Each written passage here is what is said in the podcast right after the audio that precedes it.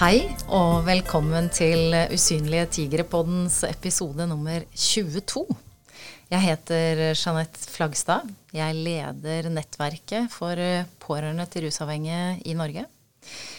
I dag har vi en episode som eh, er utrolig viktig at får lov til å komme ut til folket. Ha med to personer i studio som kan mye om hvordan pårørende påvirkes. Rett og slett i livet. Eh, både relasjonsmessig og rett og slett altså fysisk og psykisk. Av å ha rollen som pårørende til rusavhengige.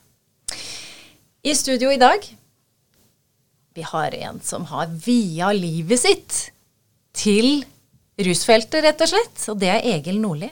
Du har vært overlege ved Borgestadklinikken. Du har vunnet Fagrådet, rusfeltets hovedorganisasjonspris for godt rusfaglig arbeid i 2015.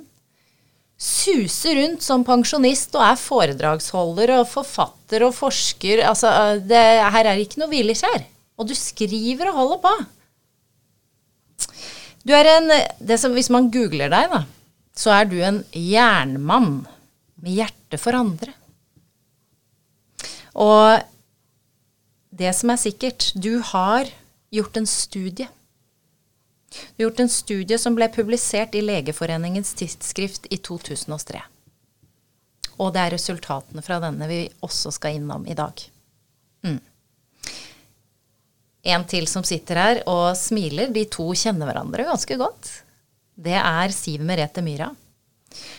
Førsteamanuensis ved VID vitenskapelig høgskole. Fakultet for sosialfag. Du jobber på Institutt for systemisk praksis og familieterapi. Og du har lang klinisk erfaring fra rusfeltet. Og kanskje spesielt innenfor spesialisthelsetjenesten i arbeid med gravide rusmiddelavhengige. Ja. Familier med små barn, par og familier. Dere to kjenner hverandre veldig godt. Da spør jeg eh, deg først, Egil. Hvor lenge har dere jobba sammen? Eh, ja, det var vel Må vel ha vært på i hvert fall 90-tallet. 1990-tallet. Eh, husker ikke eksakt året. Men eh, du begynte jo som sykepleier på, på klinikken, og jeg var eh, overlege der. Og vi jobba med de samme pasientene over mange år. Helt eh, til du sluttet. Og jeg gikk jo av med pensjon. Og da var det Borgestadklinikken. Stemmer det? Det var Borgestadklinikken. Og det var jo Hvis vi skal holde oss litt til historien da, Egil. Så jeg kom jo helt, helt nyutdanna ung. Og du, du, var ikke så veldig gammel, du heller. Eh, så, og var forholdsvis ung. Og, og, og, den gangen så var det jo behandling av pårørende, og det har jo en lang historie ved Borgestadklinikken. Og, og bakgrunnen for at den behandlingen ble igangsatt, det var jo forståelsen av at rusproblemets omfang og konsekvenser ikke bare kunne forstås som et individuelt problem, men som et problem som berørte og belastet pårørende og nettverket. Og det var jo i, i, i, det arbeidet med pårørende som, vi, som Egil og jeg først uh, startet samarbeidet. fordi at etter hvert så, uh, så tok jeg familieterapiutdanning og det ene med det andre, og ble etter hvert behandler uh, for pårørende. og da var du legen deres. Mm. og, liksom, og vi samarbeida jo en del fordi du hadde medisinsk ansvar, og jeg hadde behandleransvaret. Og så hadde vi en del samarbeid rundt det. Og den gangen, helt i starten, eh, så var jo Borgestadklinikken den første institusjonen i landet som faktisk hadde et formalisert behandlingstilbud til pårørende. Og hva dreide det seg om? Ja. Ja, det dreide seg om, øh, om de situasjonene de hadde vært belastet med gjennom mange mange år. Ja. Helt fra de var barn, kanskje. Ja. Uh, og alle de reaksjonene de fikk Eh, etter hvert, både psykisk og fysisk. Og det jeg interesserte meg for eh, hos dem, det var jo de somatiske, eller de kroppslige symptomene som kom fram eh, hvis de hadde hatt mange års belastninger. Og de ble jo tatt inn, som du sier, Siv, tatt inn til behandling i grupper. altså som innlagte. Og det var en helt ny situasjon eh, eh, for pårørende den gangen. Så de var i, i, gruppebehandling over mange uker. Det var vel oppimot eh, tre måneder. Jeg fikk jo ansvar for å undersøke de rent medisinsk, og da viste det seg at de hadde veldig mye likhetstrekk når det gjaldt de psykosomatiske eh, symptomene. Og da stiller jeg et sånt uh, spørsmål fra, for alle de som ikke kan sånne medisinske ord. Psykosomatisk. Ja. Hva betyr det? Det betyr rett og slett at uh, reaksjoner som man opplever, uh, og som er veldig belastende, de kan slå ut ikke bare at man blir deprimert, får angst og sånne ting, men at man rett og slett får symptomer fra kroppen. Smerter, hodepine, mageproblemer, til og med lammelser. Det regner jeg med vi kommer litt tilbake til. Ja. Fra, fra kroppen og, og, som da ikke går over med vanlig behandling. Og som har bakgrunn i den belastningen de har hatt gjennom mange år. Og, og for disse, disse, som fikk lov til å komme dit og være noen av de første, hvordan reagerte de på å få lov til å komme og rett og slett bli innlagt og bli sett og, og, og forstått og Ja. Jo, det var jo Helt i starten så var jo det eh, var jo det eh, veldig rart for mange, rett og slett. fordi vi valgte jo, Den gangen så valgte vi gruppe som metode. Vi kunne jo sitte med de i individualterapier og, og, sånne ting, men vi valgte rett og slett å ha de i gruppeterapi nettopp fordi at det, det var det med gjenkjennelseseffekten. Ikke sant at når, når du fortalte noe, eh, så kjente jeg meg igjen, og vice versa. ikke sant, Og da ble terskelen lavere for å våge etter hvert kanskje å dele av sitt eget. Eh, det som kanskje kanskje var eh, Jeg husker var veldig sånn rørende helt i starten. Det var når vi hadde gruppe med voksne barn av rusmiddelavhengige, Egil. Eh, som du kommer til å si noe om når det gjelder psykosomatiske kroppslige plager et, etterpå. Men, men, det som var uh, veldig rørende, det var at Og det var jo en gruppe med, med unge mennesker som var sånn fra 3-24 år oppover, kanskje til en sånn 40, vil jeg tenke da. Og de hadde jo ikke snakket um, om dette til noen før.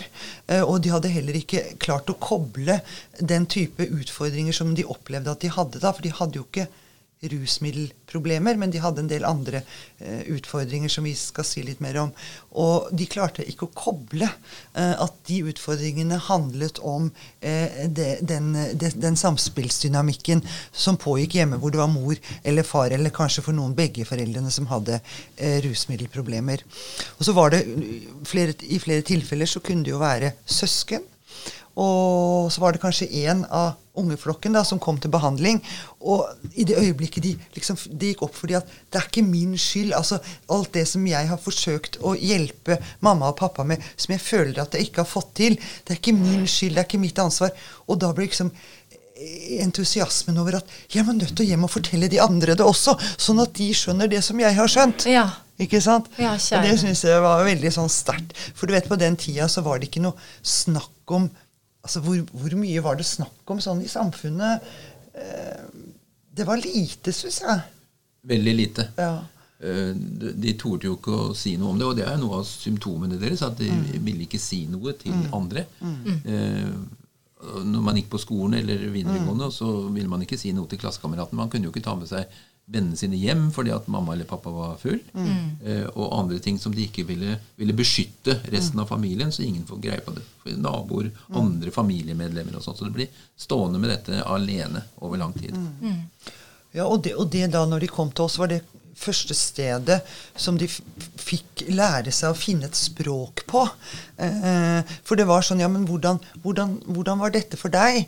Og da det, hadde i veldig mange år for mange av de, da, vi kan jo ikke generalisere det, men hvis jeg skal si litt generelt om det, så hadde det jo for mange av de eh, over flere år handlet om at bare pappa eller mamma virker ålreit, så har jeg det bra.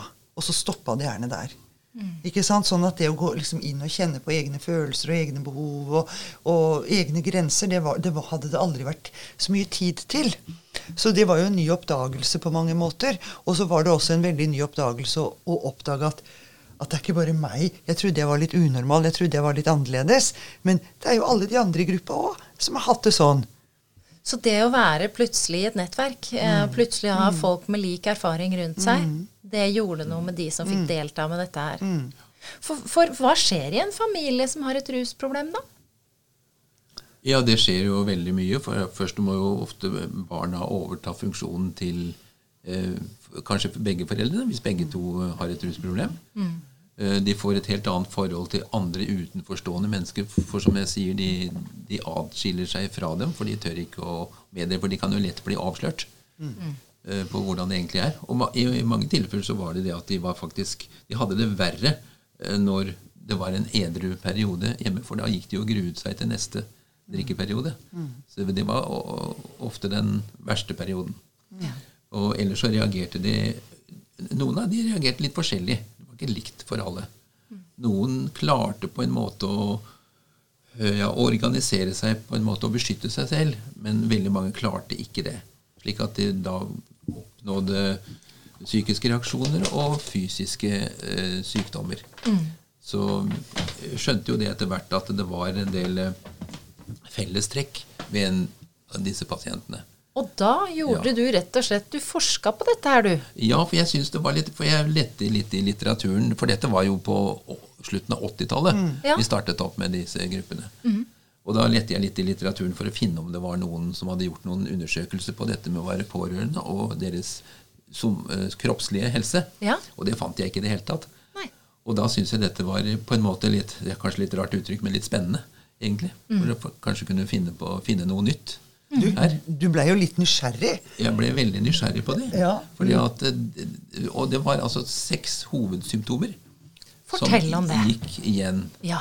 Eh, og det var for det første kan ta det sånn eh, sporadisk først, og så gå nærmere inn på det enkelte. Ja. Eh, først så var det jo symptomer fra skjelettet, altså muskelplager, ryggplager, nakkeplager og det hele tatt. Og så det andre var hodepine. Betydelig hodepine. Det tredje var mageproblemer. Både smerter og løs mage og treg mage og sånt noe. Og alle disse symptomene var av betydelig karakter. Det var ikke sånn som enhver har av og til. Men det var en betydelig, av betydelig karakter som da nedsatte eh, deres arbeids- og, og ja, hvis det var elever på skolen, funksjon eh, ganske betydelig. Og så var det underlivsreaksjoner hos kvinner. Det var det faktisk mange som hadde da. Eh, Menstruasjonsforstyrrelse osv. Og så var det jo hjerte- og sirkulasjonssymptomer. Eller, og luftveissymptomer. Eller eh, lungene, altså um, øh, hyperventilering og lignende. Og så det sjette problemet, det var jo det mest dramatiske, og det var lammelser. Gud, Ja. hva, men, hva mener Ja. du nå? Altså, Ja, vi kan godt ta den er, er, en er, kunne man rett og slett bli lam? Ja. Eh, altså lammelser i den forstand at, man mister f- føleligheten i en arm. Eh, at man klarte ikke å skjenke en, eh, fra en kaffekanne, f.eks. Eh, eller at man plutselig ikke klarte å stå på bena. Jeg hadde hatt flere tilfeller hvor man rett og slett de, de falt om på gulvet når de så at en ektefelle hadde begynt å drikke igjen, og følte seg helt vissen og lam i bena fra, eh, eller lam fra livet og ned. Det kunne være synsfeltsutfall, altså at de blir delvis blinde eller svaksynte for en kort periode. Eller det kunne være ansiktslammelser, altså hvor en, en halvdelen av ansiktet da bare øh, følte selv s- helt vissen og fikk det eh, skjeve preget i ansiktet. Det er jo helt dramatisk. Det er jo Ja, det er veldig helt, dramatisk. Men det, det interessante er jo at øh, Jeg leste litt om dette lammelser og psykosomatikk, og da viser det seg at eh, omtrent det samme antallet som jeg fant, nemlig ca. mellom 15 og 20% av disse pasientene som hadde hatt det, det samme var for eh, soldater under Vietnamkrigen. Oi. Eh, Da altså- kan du jo, da kan du jo tenke på traumer. Mm, ja. Alvorlige traumer. Ja, fordi det er et traume å være pårørende til en Det er et veldig stort traume. Hva og- betyr det når man sier det er et stort traume? Ja, Det betyr at man blir utsatt uh, for alvorlige hendelser, eller trakassering eller, eller lignende, da, som gjør at eh, hvis, vi nå fortsatt snakker om dette med lammelser, at man mister eh, kontroll på et, eh, på et organ. da. konversjonstilstander, som vi også kan kalle det. Og som jeg nevnte, Vietnamkrigen, det var faktisk soldater under kamp. Eh, 20% av de, ifølge litteraturen, som hadde fått en eller flere delvis eller hele lammelser under kamp. Så dette å være pårørende over så lang tid uten at man får løst opp i det, uten at man får meddelt seg, uten at man får noen hjelp for det, kan forårsake de samme ø, symptomene. Og Det betyr jo at det er, er som å være i krig, altså. Ja, det var jo. Vi pleide jo å si noen ganger at det husker jeg vi snakket med de pårørende om også. At, at relatert til det vi snakker om nå, så snakket vi om at det kan sammenlignes med å leve i en krigssone. Mm. ikke sant? At du er hele tida på vakt. Politi på vakt var det en av våre som brukte den metaforen. Jeg har følt meg som politi på vakt hele livet. Hele oppveksten. Eh, politi på vakt. Hva skjer med pappa, eller hva skjer med mamma? Eh, og i en krigssone så kan du tenke deg at Uh, nå er jo alle vi som sitter her, vi har jo ikke opplevd det, men vi kan jo tenke oss at du er på vakt hele tiden, og når smeller det, og hvordan blir det, kan vi sove trygt i natt, og sånn. Mm. Og det, det syns jeg er en, uh, en, god metafor. Altså spørsmålet Altså det at du ikke vet om du kan sove trygt i natt. Mm. Mm. Jeg har bare lyst til å si et par ting, eh, Egil. Så fortsetter vi litt med det etterpå, men jeg tenker noe som henger litt sammen med det som Egil snakker om. For det at Ofte så snakker vi liksom om eh, vi snakker om uh, begrepet selvfølelse. Det, har vi jo, det er liksom sånt fol folkelig uttrykk som alle skjønner. Ja. Og så snakker vi om selvtillit. Ja. Ikke sant? Og, og, at du kan godt ha selvtillit på noen områder eh, og klare deg fint, men så har du kanskje en grunnleggende dårlig selvfølelse. Og den selvfølelsen, den kommer jo eh, den, den, den, bygges jo gradvis fra den dagen vi kommer til verden. Eh, så utvikler vi jo i forhold til erfaringer og hvordan vi blir regulert, møtt, sett, støttet, hjulpet. Alt det som barn trenger. Og eh, jeg tenker at når du vokser opp med en eller to foreldre som som ruser seg, eh, så er det jo veldig ofte at de ikke klarer å være den støtten som barn trenger. Eh, og på den måten så må barn nesten vokse opp litt alene. De må liksom klare seg selv litt. Eh, pluss at de også går inn og tar mye ansvar når foreldrene har kanskje dårlige perioder. da. og noe av det vi ser, da, som jeg så i den behandlingsgruppa med de voksne pårørende, det var jo at de hadde veldig ofte relasjonelle utfordringer. Altså, selv? Selv, ja. Og fordi de hadde en grunnleggende dårlig selvfølelse. Så hvis de liksom ble kjæreste med en kjekk ut i klassen, eh, så var det veldig skummelt. For han kommer sikkert til å slå opp eh, når han finner ut åssen jeg egentlig er. Ikke sant? Altså det å stole på andre eh, og ha den tryggheten om at jeg er god nok. Eh, så veldig mange hadde relasjonelle utfordringer, og veldig mange følte seg ensomme. Og fra de var ganske små, så hadde de vanskeligheter med å liksom, knytte seg til en sånn bestevenn. Og det er jo noe som vi ofte driver med når vi vokser opp, at vi har liksom én bestevenn. Tuppen og Lillemor-historien er, er, jo en god illustrasjon av det. Og så, eh, og så var det veldig vanskelig, fordi at de kunne ikke følge det opp. Kunne ikke gjøre det samme tilbake, ta med hjem, ikke sant, alle disse tingene. Så de fikk ikke den relasjonelle treningen som andre barn får, som leker litt og krangler og opp på låvebrua igjen og blir venner og alt dette som skjer når vi vokser opp.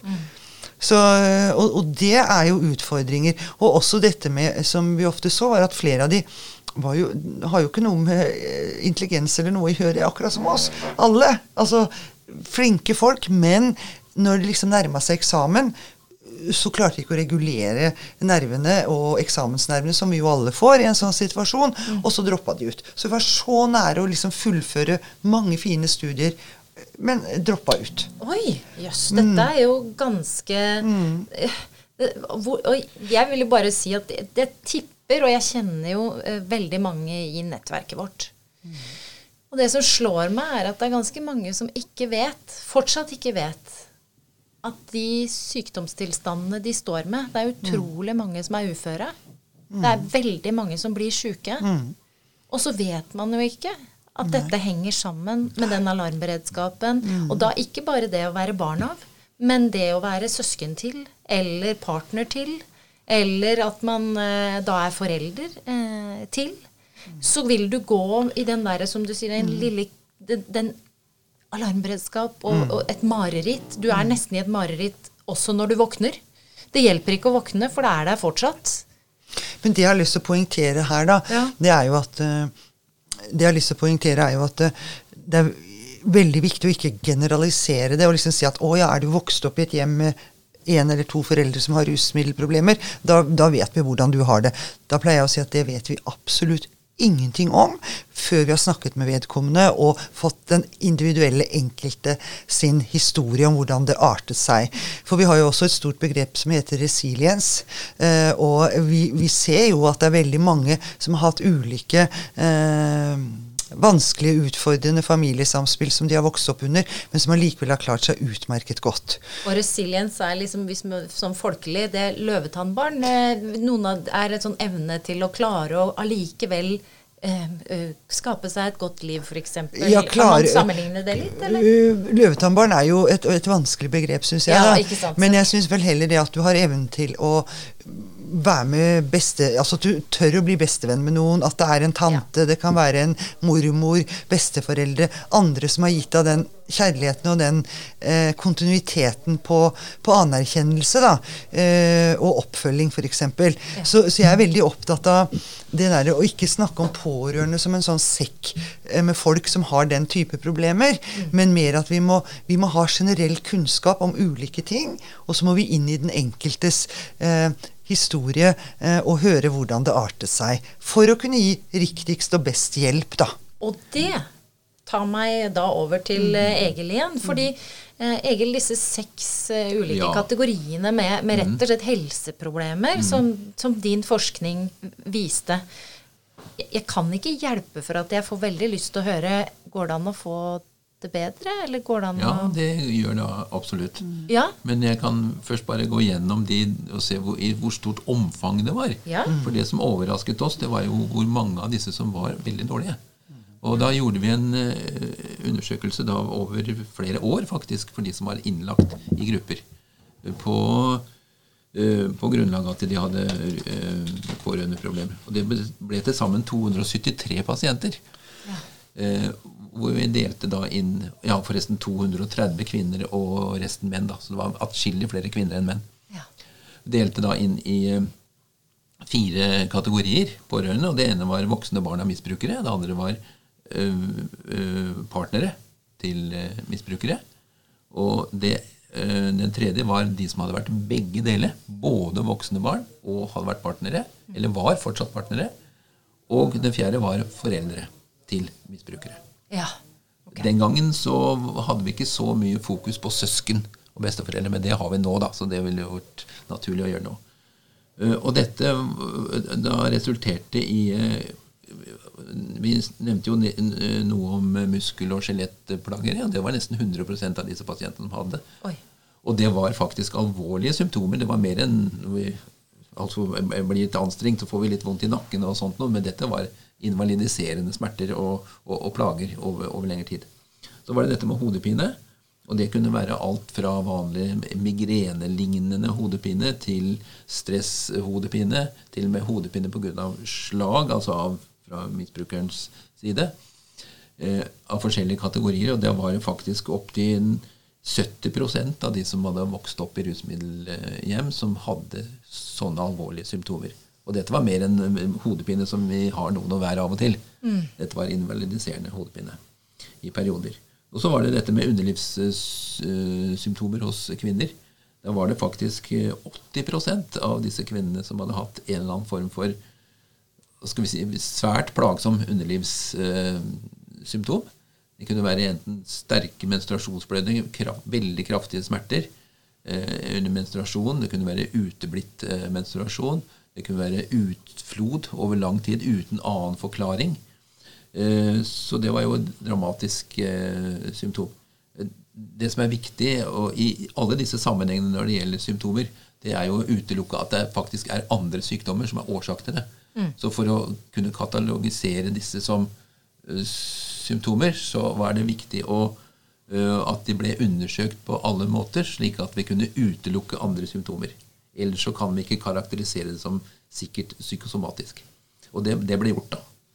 Og så er det dette med mageproblemer. Og de aller fleste barn som lever i et rushjem, når de skal på do, så, så må det være trygghet rundt et lite barn for at det skal slippe seg løs på do. Og er det ikke trygghet rundt, så holder de igjen denne trangen til å, å gå på do. Eh, Og, denne, og det venner kroppen seg til. altså Magen venner seg til å, å holde igjen, og dermed så får de treg mave etter en tid. Og mavesmerter også var eh, av betydning. Og mavesmerter, det, det sier jo barnelegen, det er, det er veldig mange som har emosjonelle grunner til at de får magesmerter. Mm. Som blir lagt inn altså på sykehus med mistanke om blindtarmen og mageinfeksjoner og sånt, men det er emosjonelle eh, grunner til det. Det er følelser, Ja. rett og slett. Ja. Er det det du Ja sier? Følelser, Følelser. gjør at du får rett og slett veldig vondt i magen. Ja da. Og dette kan da fortsette i voksen alder også. I mange, veldig mange tilfeller. Så er det dette med hjerte og sirkulasjon. Alt fra veldig veldig hjertebank til um, hyperventilering uh, til uh, eh, veldig smerter i brystet. Altså, men ingen av de hadde hatt hjerteinfarkt. Så det var ikke det. Men det var altså eh, nevrogent eh, i, i eh, nervesystemet. Eh, i, eh, altså smerter Ja. i nervesystemet. Og så er det dette med lammelser, som vi nevnte. Ja. Ja. Og alt dette er såpass dramatisk at eh, de ble jo bedre. Du spurte om det, og de ble bedre. Og det gjorde de faktisk under et behandlingsopplegg. Så hva- kom, de, kom de seg. Hvordan? Eh, og hva er verktøyene? Jeg lurer på. Hva var det som gjorde at de fikk det bedre? Ja, eh, Verktøyene var jo det at de skal vi si, fikk snakket om det. Det er, noe med, det er så enkelt som at de fikk meddelt seg. Og delt, som Siv sier, delte med andre. Uh, at jeg også har sånn, ja, men jeg også hadde det sånn. Ikke sant? Jo, og jeg tenker, jo, jeg tenker at uh, de, får lov, de får hjelp til å lage en fortelling som, som handler om at fortid, eh, nåtid og fremtid henger litt mer sammen. ikke sant? At hvordan, det, hvordan jeg har det nå, at den klarer å se det i sammenheng med det de har opplevd. Altså eh, ulike grader av i gåstegn barndomsforgiftninger. da, eh, Hvordan kan vi på en måte reparere det? Og eh, det som har skjedd, det har jo skjedd. Eh, men allikevel, hvordan kan den bære med seg den historien eh, på en måte eh, som ikke bryter ned, og, og som ikke er så isolert, og, og som ikke er så alene om eh, å bære på. da. Men nettopp det å dele er jo i seg selv en form for healing, altså en form for bearbeidelse. Og ikke minst det å få lov til å lage sin egen nye historie som på en måte skaper mening. For veldig ofte så var det jo også opplevelsen av mangel på mening. Opp opplevelsen av å ikke kunne få mulighet til å dele og snakke. For det er jo også sånn at det er tabuisert i vår kultur. Skam. Det er skambelagt, og det er skyldbefengt, og det er veldig mange sånne ting som også er med på å å, å ikke gi, gi mulighet til å kunne snakke om det løst og ledig. Og du kan si at har du en bror som sitter i rullestol eller, eller en annen funksjonshemning, så kan du godt si at guri meg, nå er jeg så sliten, for nå har jeg trilla rundt i hele byen og uh, sett på julegave med broren min, og jeg er så sliten. Du kan snakke om det sånn helt løst og ufarlig, mens det å, å si at jeg er helt utslitt fordi at det har vært sånn og sånn hjemme, det, det er mye vanskeligere. Selvfølgelig er det det. Så, Ok, Så det å snakke om det, det Ja. hjelper. Være Ja. sammen med andre i samme situasjon, det, Det- hjelper. Det også hjelper. Og så er det det at de får greie på at dette som jeg nå har båret på av smerter og ubehag, det er- viser seg er ikke noe farlig som jeg kan dø av. Nei. Altså de, For de har gått og vært engstelige i tillegg. Ja. Og tenkt at har jeg kreft, har jeg hjerteinfarkt, har jeg en alvorlig magesykdom? Men når det da de andre mulighetene for det er utelukket, så vet jeg at det, at det har sammenheng med måten jeg har hatt det på. Og dette må jo være like relevant i dag. Ja, absolutt. Denne forskningen må jo være Absolutt. minst Men jeg har like ikke, relevant. har ikke sett at noen andre har drevet akkurat forskning Nei. på dette. Så Nei. det etterlyser vi. Ja, og Det skal vi nok, eh, det skal vi nok grave litt mer i. Jeg har eh, et, eh, et litt sånn fordi vi, vi kunne snakka sikkert til i morgen om Ja. dette her. Det vet vi jo. Dette er et tema som engasjerer oss alle eh, som sitter her. Men hvis vi skal prøve å eh, oppsummere litt eh, To ting jeg tenker på, Egil. Musikk. Musikk er en god ting. Det er en god ting i eh, sammenlignet med andre ting også. Ja. Eh, Eller likhet med andre ting.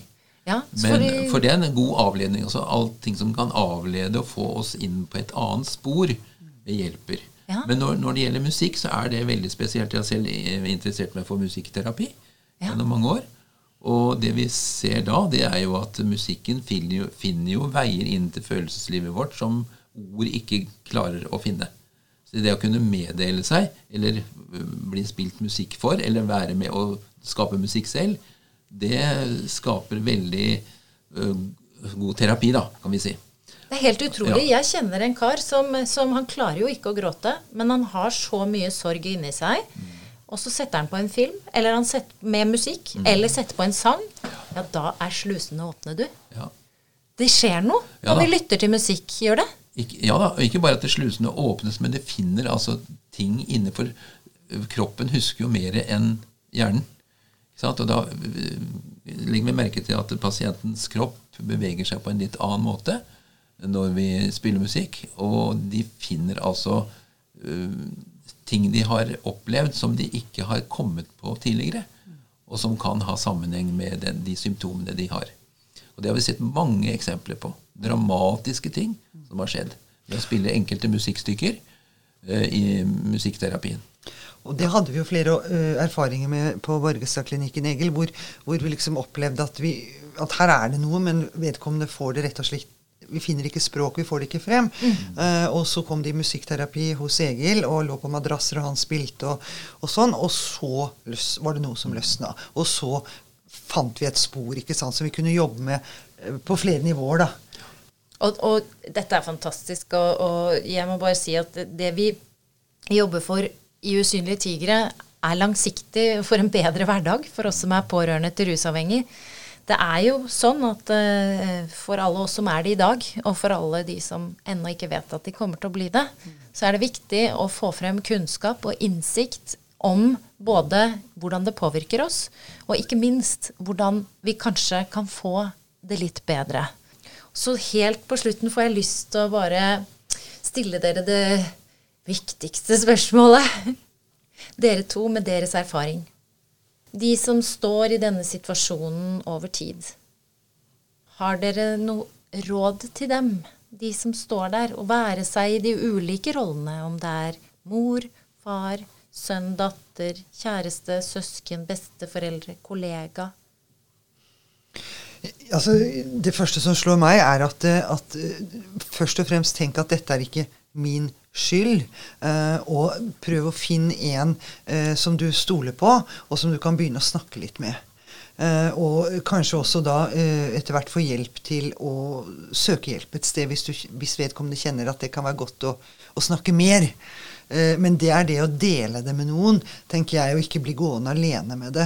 Og, tenke at, og jeg tenker jo også det at det, nettopp det at, at det blir mer åpenhet rundt, rundt denne problematikken, kan jo hjelpe flere til å komme frem og si noe uten å tenke at, at, det er, at jeg er annerledes eller ikke god nok, eller hva det nå skulle være en tenker om seg selv. Mm, flott. Takk. Ja, og jeg tenker også det at å ta det litt uh, trinnvis. Altså, det finnes hjelpetelefoner. Uh, man kan ringe. Det finnes eh, skal vi si, kanskje en, som du sier, Siv, en i vennekretsen eller en lærer på skolen som man stoler litt på, som man kan fortelle litt om dette til. Og det finnes også veldig gode fastleger som man kan snakke med om det. Og det finnes også spesialisthelsetjeneste, altså TSB, innenfor rusfeltet, som man kan henvises til og få god hjelp for, som pårørende. Da via fastlegen? Eller? Ja, via Ja. fastlegen. Eller man kan henvises dit også via andre instanser, sånn som Nav eller eh, andre helseinstanser. Nettopp. Så det kan man, Og der kan det gis veldig god hjelp over, over tid. Og så er jo i hvert fall det vi hadde på Borgestadklinikken, det var jo at man kunne bli innlagt. Men nå er det veldig få steder som gjør det til pårørende. Dessverre så er det ut, mer ut. Og det er veldig synd, for det var veldig mange som fikk veldig god hjelp av det. Men, det, men man skal ikke gi opp. Det fins mange andre også måter å gjøre det på, som jeg nevnte. Ja. Ja. Kanskje vi må invitere Ingvild Kjerkol hit sammen med dere, så Ja. hun kan eh, få litt kunnskap og innsikt. I alle fall skal vi sørge for at Ja. eh, vi sender podkasten til henne, så hun Vi- kan høre. Vi stiller. Ja, herlig. Ja, ja, det gjør vi. Du, tusen takk til dere begge for at dere kom hit i dag. Dette er så viktig kunnskap, erfaring og innsikt som dere besitter. Og det er så viktig at vi når ut til folket med denne kunnskapen, så de kan se seg selv og kanskje ta grep. Eh, og vite at de ikke er aleine. Det ikke er deres skyld. Det finnes hjelp. Og bare for å si det før vi tar siste ord. Vi har jo en anonym spørreundersøkelse på vår hjemmeside www.usynligetigre.no. Via den anonyme spørreundersøkelsen har vi fått nå jeg tror det er over 600 svar. Og der har folk spilt inn de stedene de har faktisk fått hjelp. Så bra. Så alle disse hjelpetilbudene har vi listet opp på vår hjemmeside. Fabelaktig. Under søke hjelp. Så der står alt som alle tigre i Norge, fra nord til sør og øst til vest, små steder, store byer, har spilt inn at de har fått hjelp. Så. Så det eh, er litt viktig at vi avslutter med, tenker jeg. Igjen tusen takk til dere begge for at dere kom i dag. Takk til deg. Takk for at vi fikk være med.